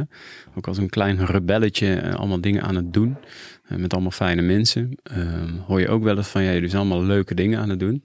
Maar wat is er nou concreet veranderd op sociaal innovatief vlak? Als jij nu een stip zet um, in 2014, toen Air startte. Mhm. En nu. Heb je dan een ervaar jij of hoor je van mensen wel eens uh, dat ze zeggen van ja, er is wel degelijk iets veranderd. Er kan meer. De mindset is aan het veranderen op sommige vlakken. Ik denk dat er wel veel verandert, maar dat mensen dat niet uitspreken. Um, dus dat mensen het niet meer nodig vinden om ook het benoemd te hebben als zijnde van wij zijn aan het innoveren. We doen het gewoon. Um, en ik, ik, moet dan altijd denken aan, als ik even op de luchtmacht specifiek kijk, en ik denk dat het voor ieder bedrijf hetzelfde is. Um, binnen de luchtmacht is er een bepaalde, nou ja, dat, dat gaat om vliegen. We vliegen. We halen nu nieuwe systemen naar binnen die eigenlijk veel slimmer zijn dan de oude systemen die we hadden. En je merkt dat uh, de organisatie in het traditionele denkpatroon terugkeert van oh, een nieuw wapensysteem, dat moet zo worden ingevoerd. Wat dus inhoudt dat we van de mensen verwachten dat ze niet zelf gaan nadenken. Nee, dat systeem, dat is onze innovatie. Ja, maar die mensen dan. En als ik heel eerlijk ben, um, zie ik luchtmacht breed daar eigenlijk niet de juiste beweging in, zeg maar. Ja, misschien moet het, ja, dat ik dat moet zeggen, dat weet ik eigenlijk niet. Dat is een gevoel wat ik heb. Dus wat ik persoonlijk vind, zeg maar. ja. Um, ik, ik, voor mijn gevoel wordt er heel erg de nadruk gelegd van dit zijn onze technologische innovaties. Ja. MQ-9, F-35, dat is een vliegtuig. Um, en die zorgen voor onze innovatie. En het innoveren van de mensen, dat is leuk dat je dat op lokaal niveau doet. En hè, gelukkig binnen het woensrecht werkt dat ook zo. Um, waarbij ik meteen overigens ook zeg dat een operationeel veld, vliegveld, anders is dan een onderhoudsveld, zeg maar. Dus dat, mhm. dat misschien bij ons die sociale innovatie veel makkelijker te realiseren is en te borgen is en uh, in de gang te zetten is dan bij een operationeel veld. En ik spring nou een beetje van hak op de tak. Maar wat ik daar eigenlijk mee bedoel is. Ja, ik zie een verandering, maar ik zie het niet door heel de organisatie heen. Mhm. Ehm, dus de plekken waar ik op dit moment zit, ik denk dat dat een van de betere plekken is waar je het kunt uitvoeren, omdat ehm, ja, van die mensen wel verwacht wordt om na te denken hoe kunnen we onze huidige manier van werken uh, aanpassen? Of wat moeten we eigenlijk anders gaan doen om het, om het, uh, om het werk wat van ons verwacht wordt over tien jaar, om dat alsnog te kunnen blijven doen? Ja, ja. Ehm, en dat lukt je niet door alleen maar te zeggen, nou dan hebben we die machine nodig. Nee, dan moeten we eens goed gaan nadenken met alle mensen die in de organisatie zitten. Van, ja, wat, wat, wat zien we eigenlijk? En wat kunnen we eigenlijk? En wat doen we eigenlijk? En hoe gaan we dat doen? En wat is jouw rol daarin? Ja, maar ik denk dat het goed is dat je het vanuit, uh, je zegt mijn gevoel is. Dus ik denk dat je een bepaalde uh, zorg uitspreekt, hè, dat mag. Ehm, ehm, wat zou dan jouw oproep zijn aan de organisatie vanuit jouw expertise op innovatief, sociaal innovatief vlak?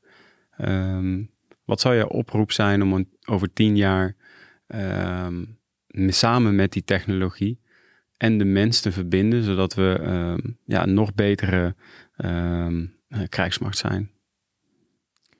Neem je mensen mee in het in het, in het proces van accepteren van technologie. en wat bedoel ik daarmee? Uh, het is goed dat een centrale organisatie nadenkt over welke nieuwe wapensystemen, hè, want we blijven defensie, over welke nieuwe wapensystemen wij gaan gebruiken. Maar probeer zo vroeg mogelijk de gemeenschap die iets moet gaan doen met die middelen te betrekken bij dat proces. Dus wacht niet tot die F-35 voor de deur staat. Of welk ander wapensysteem we ook bij de landmacht of de marge hebben. Nee, probeer mensen uit die, uit die vloer nou eens mee te nemen in jouw beleving als projectorganisatie. Ehm, we gaan een nieuwe onderzeeër bouwen. Ik, moet maar, ik, ik heb geen idee. Maar probeer dat niet alleen met je ingenieurs te doen of met je, met je, met je, met je project medewerkers. Maar probeer ook eens ehm, te gaan kijken hoe dat je de intelligentie van de vloer eigenlijk in jouw project kunt krijgen. Waardoor je eigenlijk een versnelling krijgt van ehm, innovaties die er misschien nog niet zijn in het nieuwe technische object wat jij binnen gaat krijgen. En waarmee je eigenlijk meteen een object krijgt wat voldoet aan deze tijd. Wat bedoel ik daarmee? Een F35 is eigenlijk al 15 jaar oud. Ja. Uh, en we doen nou net dat we het hoogste technologische middel krijgen. Ja. Maar eigenlijk ook wel weer 15 jaar achter. Ja. Um, en wat zou er nou gebeurd zijn als we nu al, of toen al, mensen hadden meegenomen met hun ideeën en hun, hun, hun ideeën far out there. Om te kijken van ja, hoe kunnen we dat nou interpreteren in dat ding. Ja, ja. Um, misschien lastig voor ons, omdat wij geen bedrijf zijn, maar hè, we zijn maar een afnemer van een product. Ehm, maar ik denk als wij echt uh, agile en snel willen zijn op veranderingen die gebeuren in de wereld. Ehm, gebruik nou eens die 46.000 mensen die, mensen die in jouw organisatie zitten. Nou ja, sterker nog, maar de afnemer zijn.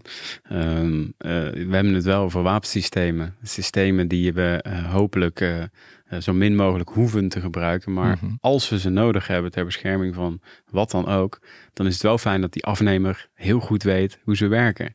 en zeker dat ook alle mogelijkheden van een systeem goed benut worden. Ja.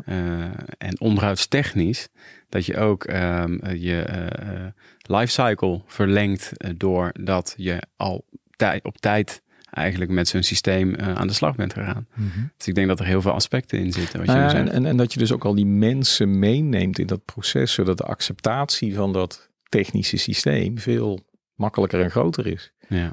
Dus dat je niet eerst een groep mensen om je heen hoeft te vormen. Nee, die groep mensen is er al. Die ja. uh, geloven in dat nieuwe product of dat nieuwe technologie of dat nieuwe ding wat eraan zit te komen. Ja. Nou, wat je nu zegt, ik herken dat wel. En ik uh, ben voorzichtig wat ik zeg, maar ik herkende wel uh, een tijdje natuurlijk een jaartje of zo bij um, uh, programma-management, F16 gewerkt. En toen was er al lang sprake van het feit dat die JSF, die F-35 Joint Strike Fighter, dat die zou komen. En de grotere gemeenschap, vooral mensen die al heel lang bij F-16 werkten, die zeiden, ah joh, dat komt wel. Dat duurt nog heel lang. Uh, weet je wel? Uh, en dat is natuurlijk heel erg menselijk gedrag vanuit de evolutie. Willen we eigenlijk geen verandering en willen we gewoon blijven bij het oude? Verandering is vaak een mm -hmm. beetje eng en dat betekent in het dierenrijk zelfs dood als je uh, moet veranderen en zelfs van de groep afgestoten wordt omdat je er niet meer bij past. En dat zie je in innovatie natuurlijk heel sterk terug. Dus daarom snap ik heel goed dat je, en dat doen jullie natuurlijk geweldig bij het innovatieplatform. ik weet niet of dat ook voor nieuwe technologie is, maar dat je um, mensen gaat ondersteunen uh, en faciliteert en zegt ja, het is af en toe een beetje eng, maar wij zijn er voor je. Ben nou maar creatief.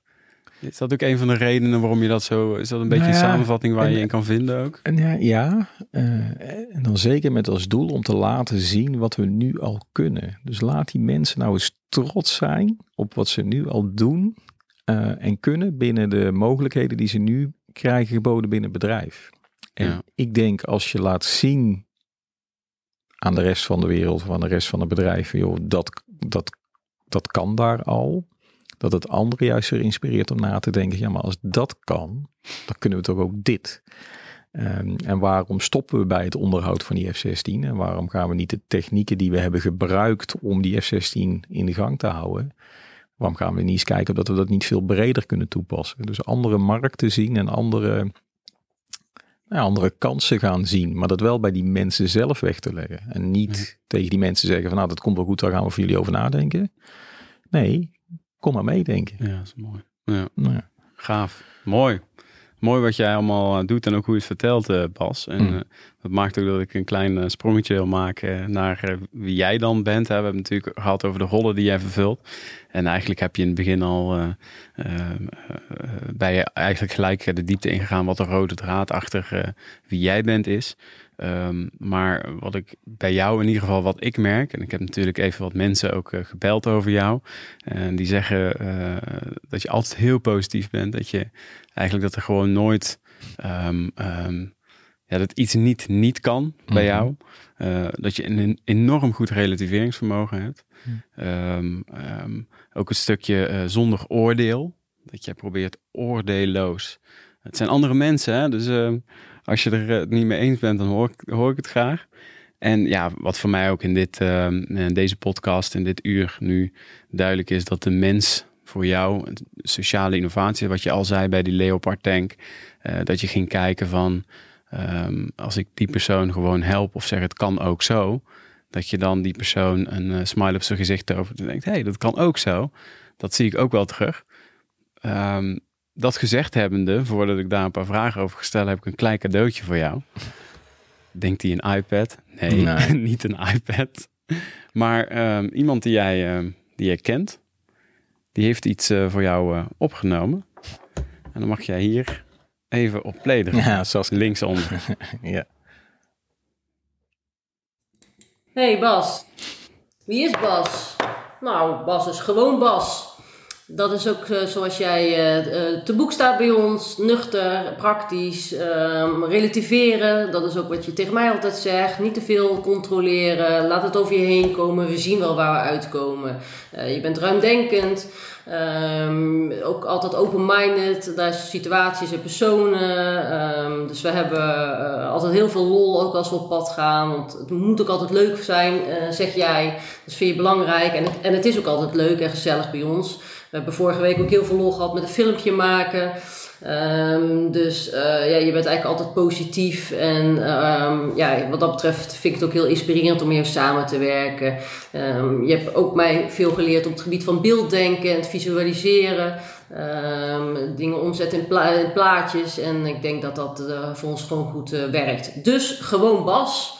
Heel veel plezier. eh, hopelijk met, ons, eh, met elkaar om samen te werken nog eh, voor in de toekomst. Groetjes, gewoon Sas.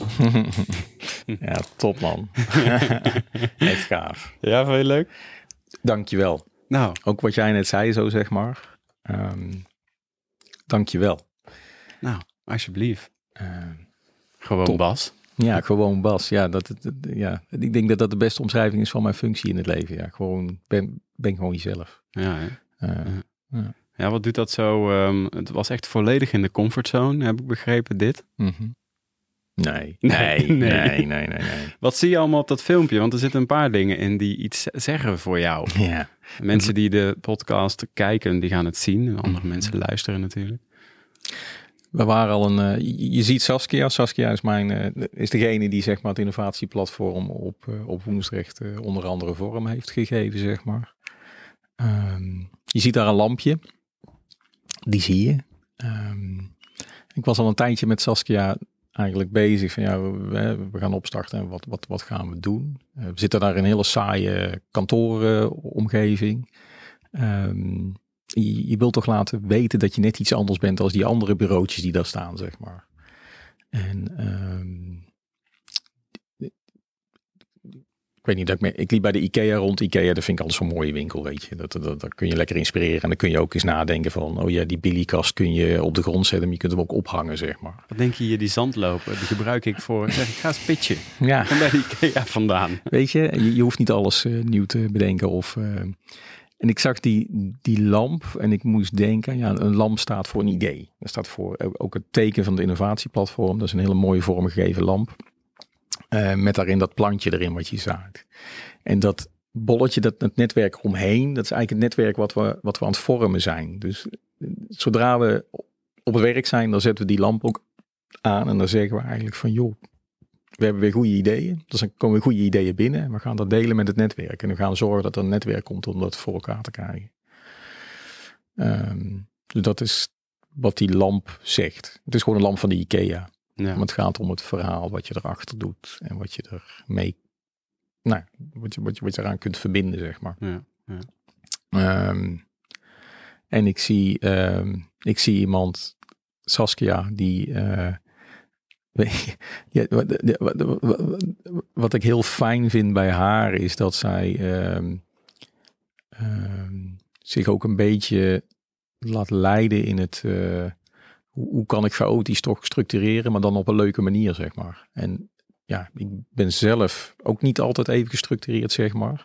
Maar ik merk wel dat soms structuur aanbrengen op een leuke manier jou wel kan helpen in uh, het, het, het, gaan naar een hoger iets, zeg maar. Ja.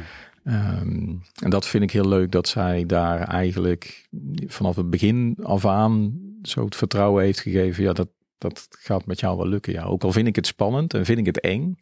Ja. Um, ik vertrouw je. Dus ik sta wel naast je en uh, we, we, gaan het doen. Dus dat, ja, dat, dat is wat ik mo mooi vind. Ja.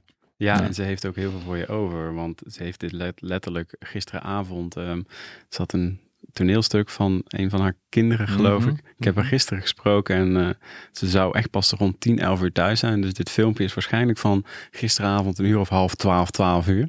Um, dus, uh, en voor iemand die, um, um, ze gaf ook aan, ik vind het totaal, uh, het is buiten mijn comfortzone. Dit is echt niet mijn ding. Ja. Maar voor Bas ga ik het doen. Een knuffel krijg je straks. Dat Kijk. Ondanks de, de, de maatregelen die er zijn. Het is goed met je. Hey, um, we hebben het al heel veel eigenlijk over jou gehad, al in het begin. Um, um, waar ik wel benieuwd naar ben. je hebt het al over de MAVO gehad natuurlijk. Hè? Mhm. dus, maar waar komt dat vandaan? De, al die competenties die nu naar voren komen, die kwaliteiten, die talenten zou je kunnen zeggen. Uh, waar Saskia het over heeft, uh, hè, waar, waar, je zelf al over verteld hebt. Is dat iets wat je uit je jeugd meegekregen hebt? Of, of je bent heel kalm en je denkt, oh, het komt allemaal wel goed. Uh, over het algemeen zie ik binnen de innovatiewereld allemaal mensen over het algemeen. Hè, die hebben heel veel energie, die zijn heel extravert. Maar jij bent meer wat de, de ambiverte, hè, de introverte die ook extravert kan zijn als het moet. Dat noemen ze ambivert, klaarblijkelijk. Mm -hmm. waar komt dat vandaan, joh? Ja, je bent wel een unicum, vind ik, um, ten opzichte van heel veel van die mensen. Vind ik, hè? Vind ja, ik. Ja, ja, ja. nou ja, ik, ik denk dat je, dat, je, dat je opvoeding daar ook wel wat mee te maken heeft. Of de mensen die je. Um, kijk, als ik kijk dat. Als ik naar mijn kindertijd kijk, zeg maar. Um, mijn moeder was degene die thuis innoveerde. Dus die kocht auto's en die kocht nieuwe technieken. Terwijl ze geen auto reed, maar ze kocht wel om de zoveel tijd een andere auto. Dat vond ze leuk. Iets anders. Uh, een Saab naar een Eend, naar een CX, naar... Uh, en zo kwam het voor dat toen ik 12 was, we zes, ik ben enigs kind, dat er zes auto's voor de deur stonden. En toen ik 18 was en een rijbewijs had, er geen auto voor de deur stond. Uh, um, maar ook een wereldontvanger aanschaffen en dan met uh, technologie van toen, en dan hebben we het over de jaren tachtig, uh, dat je wel uit de lucht berichten kon oppikken en op een scherm kon laten uh, verschijnen, zeg maar. Ja. Zelf deden ze daar niet zoveel mee, maar ze liet het wel toe aan mij om daarmee te spelen. Um, en ik denk dat dat, en dan een vader die, die heel hard werkte en juist iemand is die van doen, hè, dus een timmerman van, van hart en nieren. En uh, weet je, als jij het kan maken, dan kan ik het ook. Ik denk dat die combinatie mij wel heeft geleerd van joh, uh, maakt niet uit wat er gebeurt, ook al doe je iets fout. Je kunt het altijd herstellen. Je kunt altijd sorry zeggen. Dat kan altijd, zeg maar. Je mag fouten maken. Ehm, en als je iets kapot maakt, dan ga je nadenken hoe je het op kunt lossen. Tuurlijk maak ik eigenlijk wel eens druk. Tuurlijk doe ik dat. Ehm, maar wat ik van die twee werelden, en ik denk dat je, ik denk dat je als ouder je kind ook probeert mee te geven uh, de dingen waar jij van hebt geleerd. En dat het uh, juist bij een huwelijk uh, vermeng je werelden met elkaar, zeg maar. En je probeert de beste dingen die je hebt geleerd van die beide werelden weer over te brengen aan iets wat uit, uit jullie komt, zeg maar. Um, en dat dat niet meteen zichtbaar is, dat is niet erg. Want toen ik 14 was, toen interesseerde het me helemaal niet. Want geen idee, weet je.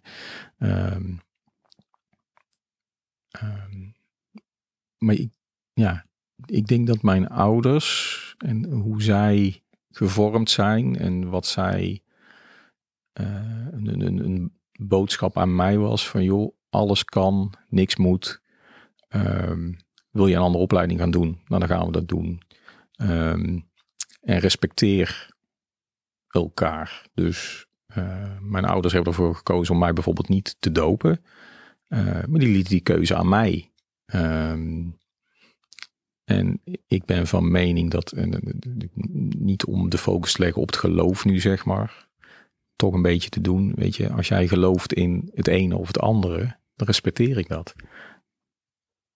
Maar als ik dan een vraag stel waarom, ja, dan ben ik wel heel benieuwd waarom je dat vindt. En dan hoop ik dat jij ook begrijpt dat ik, nou ja, misschien in andere dingen geloof, zeg maar. En ik denk als we dat, uh, als mensen dat meer zouden doen, zeg maar, meer die waarom-vraag stellen aan elkaar, zonder te oordelen, dan zou de wereld er, ja, volgens mij een stuk mooier uit te kunnen, kunnen zien, zeg maar. Je hoeft het niet altijd met elkaar eens te zijn. Ja. Uh, ja, dat was jouw vraag. Niet jouw vraag is hoe dat komt. Ik denk dat het daardoor komt. Um, mensen om je heen zoeken die bij je passen. En mensen hebben die jou helpen om op onderzoek uit te gaan. Ja, ja. ja. wat ik ook hoor is dat, dat het eigenlijk jouw moeder, maar je ouders samen, want je zegt het is een mix van de twee. Um, zij creëerden jouw Innovation Playground destijds al. Ja, toen al, ja. Door, uh, dat besef je pas later. Tuurlijk. Dan sta je er niet bij stil en denk je, oh, uh, mijn pa komt thuis met de PC uh, van, van de PTT Post, waar die toen werkte, zeg maar. Ja. dat was toen de PC privé. Dan kom je nou, echt zoveel geld uitgegeven voor een computer. Het enige waar je ermee kon was een, ja, lelijk Word Perfect en Lotus zat erop volgens mij. Maar ze lieten mij wel stoeien daarmee. Ja. En toen internet opkwam, ja, mijn ouders hadden niet, dat was gewoon middeninkomen of misschien nog wel lager, zeg maar. Ja. Maar ze proberen het wel voor je te regelen, onbewust. Dus niet bewust van, oh, daar moet je iets mee doen, Bas. Nee, ik heb het en ik denk dat ik het ook wel leuk vind. Ik snap er geen zak van. Maar samen gaan we het wel uitzoeken, zeg maar. Ja, vet. En dat, ik, ik denk dat dat en het begon ook over de basisscholen in het begin, zeg maar. En dat is wat ik ook vooral op scholen heb gedaan met de makershop. Joh, leraar, als je mij in je klas vraagt, dan ga jij achterin zitten. Je gaat je mond houden. Je gaat ook niks zeggen over ADHD'ers of daar moet je rekening of hoogbegaafden. Nee, laat ze maar als mens zijn. En vorm je eigen groepjes maar. En dit is wat ik jullie bied, dit is wat ik jullie leer, dit is wat ik weet, dit is wat ik niet weet. Ja, daar ook heel eerlijk in zijn. En ik denk dat het laatste ook voor kinderen, voor jonge mensen, heel belangrijk is om te zeggen van, ik weet niet alles. Een mens kan niet alles weten. Ik kan slim zijn, maar dat wil niet zeggen dat ik alles weet. Nee. En ik denk dat ze daardoor meer vertrouwen hebben van, het is eigenlijk wel goed om niet alles te weten. Dus wat er gebeurt, zie je het wel. Ja. En uh, nou ja, ik zoek wel een oplossing. Ja. Ook heel veel veiligheid creëer je, denk, je, denk ik, met jouw houding. Um, ik denk dat de mensen die luisteren, die jou kennen, dat wel uh, zullen onderschrijven. Um, door niet te oordelen, um, door uh, geen labeltjes te plakken op mensen, dat is ook een vorm van oordelen natuurlijk, creëer je zoveel vrijheid dat mensen echt denken, ik mag mezelf zijn. en daardoor, als iemand zich totaal veilig voelt, zit je veel minder in je, in je, in je limbisch systeem, hè, je reptiele brein, dan dan, dan, dan alle creatieve ideeën die bovenkomen, die mogen er dan zijn. Dan steek je je hand op en dan zeg je, ik heb een idee, Bas. Ja. Wat denk je, wat denk je hiervan? Ja, ja toch? Ja. mooi. Goed omschreven. Ja, mooi, mooi.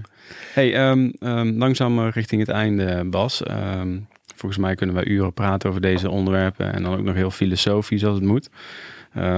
Doe ik dan toch liever bij de frietboer? Eigenlijk. Zeker, ja. Dat gaan we binnenkort weer eens doen. Want daar hebben we een jaartje geleden denk ik samen gegeten. Ja. Um, dit was ook weer de eerste keer daarna dat we elkaar weer zagen. Dus, ja. uh, en, dan nog, en dan nog steeds gewoon mooie gesprekken hebben. Dus uh, thanks daarvoor. Um, ja, misschien even een leuke, hè? want je bent zo'n kalm figuur. Je zei net, ik maak me af en toe wel eens een keer druk. Maar uh, heb jij iets van een guilty pleasure of zo? Iets wat mensen eigenlijk bijna bijna niemand van Bas weet. Natuurlijk jouw eerste kring wel, maar... Hmm. en dan niet iets afgezaagd van met een zak chips op de bank, want die krijg nee, ik ook wel nee, eens. Nee, nee, nee, nee, nee. Ik... Um...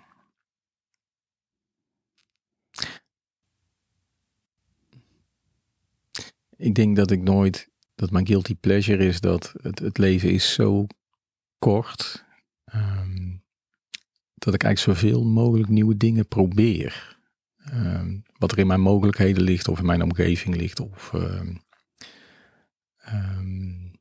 en dat ik dat ook probeer te delen, zeg maar. nee, wat vind ik echt leuk? Gewoon een auto totaal uit elkaar halen en zorgen dat die eigenlijk weer gaat lopen. Ja, dat, dat, mooi. dat vind ik leuk. He, ik heb vorige... Dus je bent nog steeds dat kind? Vorig jaar, ik kwam, ja. dat is misschien wel zo leuk, weet je. En het, ik kwam vorig, vorig jaar of twee jaar geleden alweer was dat. Ik rij altijd, ik, ik, ik woon in Zeeuws-Vlaanderen, dat is vakantiegebied by far. Als ik naar mijn werk rijd, ik kom, één, ik kom geen stoplichten tegen. Um, en dan rij via de haven van, van Antwerpen. En de haven van Antwerpen heeft verschillende zones. En een van die zones is de autozone. Dus daar worden heel veel auto's geëxporteerd en geïmporteerd. Nieuwe auto's komen binnen. En al die oude auto's die worden geëxporteerd, zeg maar. En dan stond vier weken lang stond er een smartje, een klein autootje. Uh, stond daar geparkeerd langs de kant van de weg. En daar gebeurde niks mee. En toen dacht ik van ja, dat is eigenlijk een ideale auto. Dat is eigenlijk een superleuk autootje. Um, zou ik daar iets mee kunnen? Zou, zou ik daar iets... Nou, toen heb ik in, in, in, in een uh, vrij korte tijd heb ik zeven van die autootjes gekocht. En toen ben ik gewoon begonnen met slopen. Om te leren van hoe zit het autootje in elkaar. Wat zijn nou de zwakke punten en wat zou je ermee kunnen doen? En een van die ideeën is die, die, die, dat, dat chassis van dat auto, zeg maar, dat, het, het, het sterkste gedeelte, dat is bij die auto's roestvrij. Dus ik heb er zeven gesloopt, die allemaal tien jaar en ouder waren. Um, chassis was perfect. Waarom zou je dat ding nou niet kunnen gebruiken om daar wat modernere technologie in te zetten? Lees een, een elektromotor. Uh, nou, Smart zelf heeft gezegd, ja, dat, dat doen we niet, want het is te kostbaar en noem het maar op. Maar er moet ook een manier zijn dat je zo'n autootje, wat gewoon een heel leuk stadsautootje is, weinig ruimte inneemt, uh, om daar iets anders mee te doen. Um, nou, dat heeft tot nu toe geleid dat ik zeven auto's uit elkaar heb gehaald, dat ik een berg van onderdelen heb ja. en heel veel kennis heb. Um, en dan kom ik wel bij mijn valkuil, zeg maar. En nu verder. Dus nu ben ik echt op zoek naar, naar iemand of iets die zegt van ja, het is eigenlijk een vet idee. Uh, en wat doen we daarmee? En dat ja. is mijn, misschien mijn guilty pleasure wel, dat ik op zoek ben naar, naar iemand die zegt van ja, Bas, dit, dit, dit, dit heb je opgestart. En nou moet het verder, zeg maar. Ja. En is dat dan guilty pleasure? Ja, ik denk het eigenlijk wel. Nou, het feit ja. dat je misschien toegeeft dat je nu iemand nodig hebt, ja. dat dat niet jouw sterkste kant is. Nee. Ja. Hè? Dus, en dan het plezier wat je er eigenlijk uitgehaald hebt, hè? Um, tot aan het helemaal uit elkaar halen. Uh, dat is dan het plezier. En waar je dan misschien een beetje het guilty stukje in zit, is van ja, maar hoe nu verder dan? Ja. En daar heb ik iemand bij nodig. Ja. Dus, uh, dus jij bent hele dagen in, in, in jouw garage thuis te vinden, uh, vaak. Uh, daarbij dingen uit elkaar aan het halen van het klussen, toch? Ja, natuurlijk thuis ook zelf dingen doen. Weet je, ik ben overtuigd. Ik, ik hou van dingen zelf doen, zeg maar. En uh, dat, is, dat is af en toe ook een valkuil. Dus dat is ook wel. Nee. Ehm, maar goed, Help tot nu toe... Mijn man is klusser. Ja, ja. En Of dat nog net niet? Ja, nou, nou, nou vindt mijn vrouw niet, zeg maar. Oh, fijn. Vriendinnen van mijn vrouw wel, maar mijn vrouw vindt Oké, het niet. nou, dat is Ja. mooi. Ja. Ja. Nee, ehm, ik denk dat het belangrijk is om te blijven ontdekken en te blijven doen, zeg maar. En eh, als je het nog niet weet, eh wat zegt Pipi Lankas uit, ook al altijd weer, al, eh, ik heb het er nooit gedaan, dus ik denk wel dat ik het kan. Ja, Nou, dat is hem. Ja, Dat is eigenlijk het motto. ja mooi. Ja. Mooi. Hey ehm, Bas, ik, eh, ik vond het superleuk. Eh, er zit van alles in. Eh, durf kind te zijn. Je bent iemand die echt zonder oordeel mensen op nummer één zet. Ehm, eh, wat ik een heel mooi stuk vond, wat ik een heel mooi stuk vond, was de realisatie dat het niet om het doel gaat, maar om de weg er naartoe. En dat je dat eigenlijk faciliteert in de makershop, maar eigenlijk ook bij het innovatieplatform. Ehm, als afsluiter, eh, heb je nog iets wat, wat jij mensen mee wil geven? Waar kunnen mensen, als ze een goed idee hebben, ehm, jou slash de collega's van het innovatieplatform of de makershop vinden? Ik heb de website al een keer genoemd. Nou ja, ehm, de Makershop inderdaad. Eh, innovatieplatform eh, MSC voor de defensiemedewerkers. Dus als Mhm. je daarop zoekt, en ik noem het nou MSB, maar het wordt ASC. Het wordt AC, Dus- Air Support Center. ja, dus innovatieplatform ASC. Als je dat intypt in je zoekbalk op, eh, op internet, dan, eh, dan eh, vind je ons terug. Ehm, ja, weet je, de beste manier van communicatie is Makershop. Ehm, dat is ook eh, buiten Defensie zichtbaar en aanspreekbaar, zeg maar. Ja. Ehm, ja, zo eigenlijk. Ja, Nou, dankjewel. Super vet. Ik, ehm, ja ook er dankjewel. niks, ik wil er niks meer aan toevoegen eigenlijk. Ja, ik heb er weer van geleerd. Ja, nou, Ja. je eerste podcast. Nou, dat bedoel ik. Alright, Bas, dankjewel man. Ja. Jo. Jo. Zoek Samen Sterker podcast en luister of kijk via YouTube, Gpal, iTunes, Spotify of Soundcloud.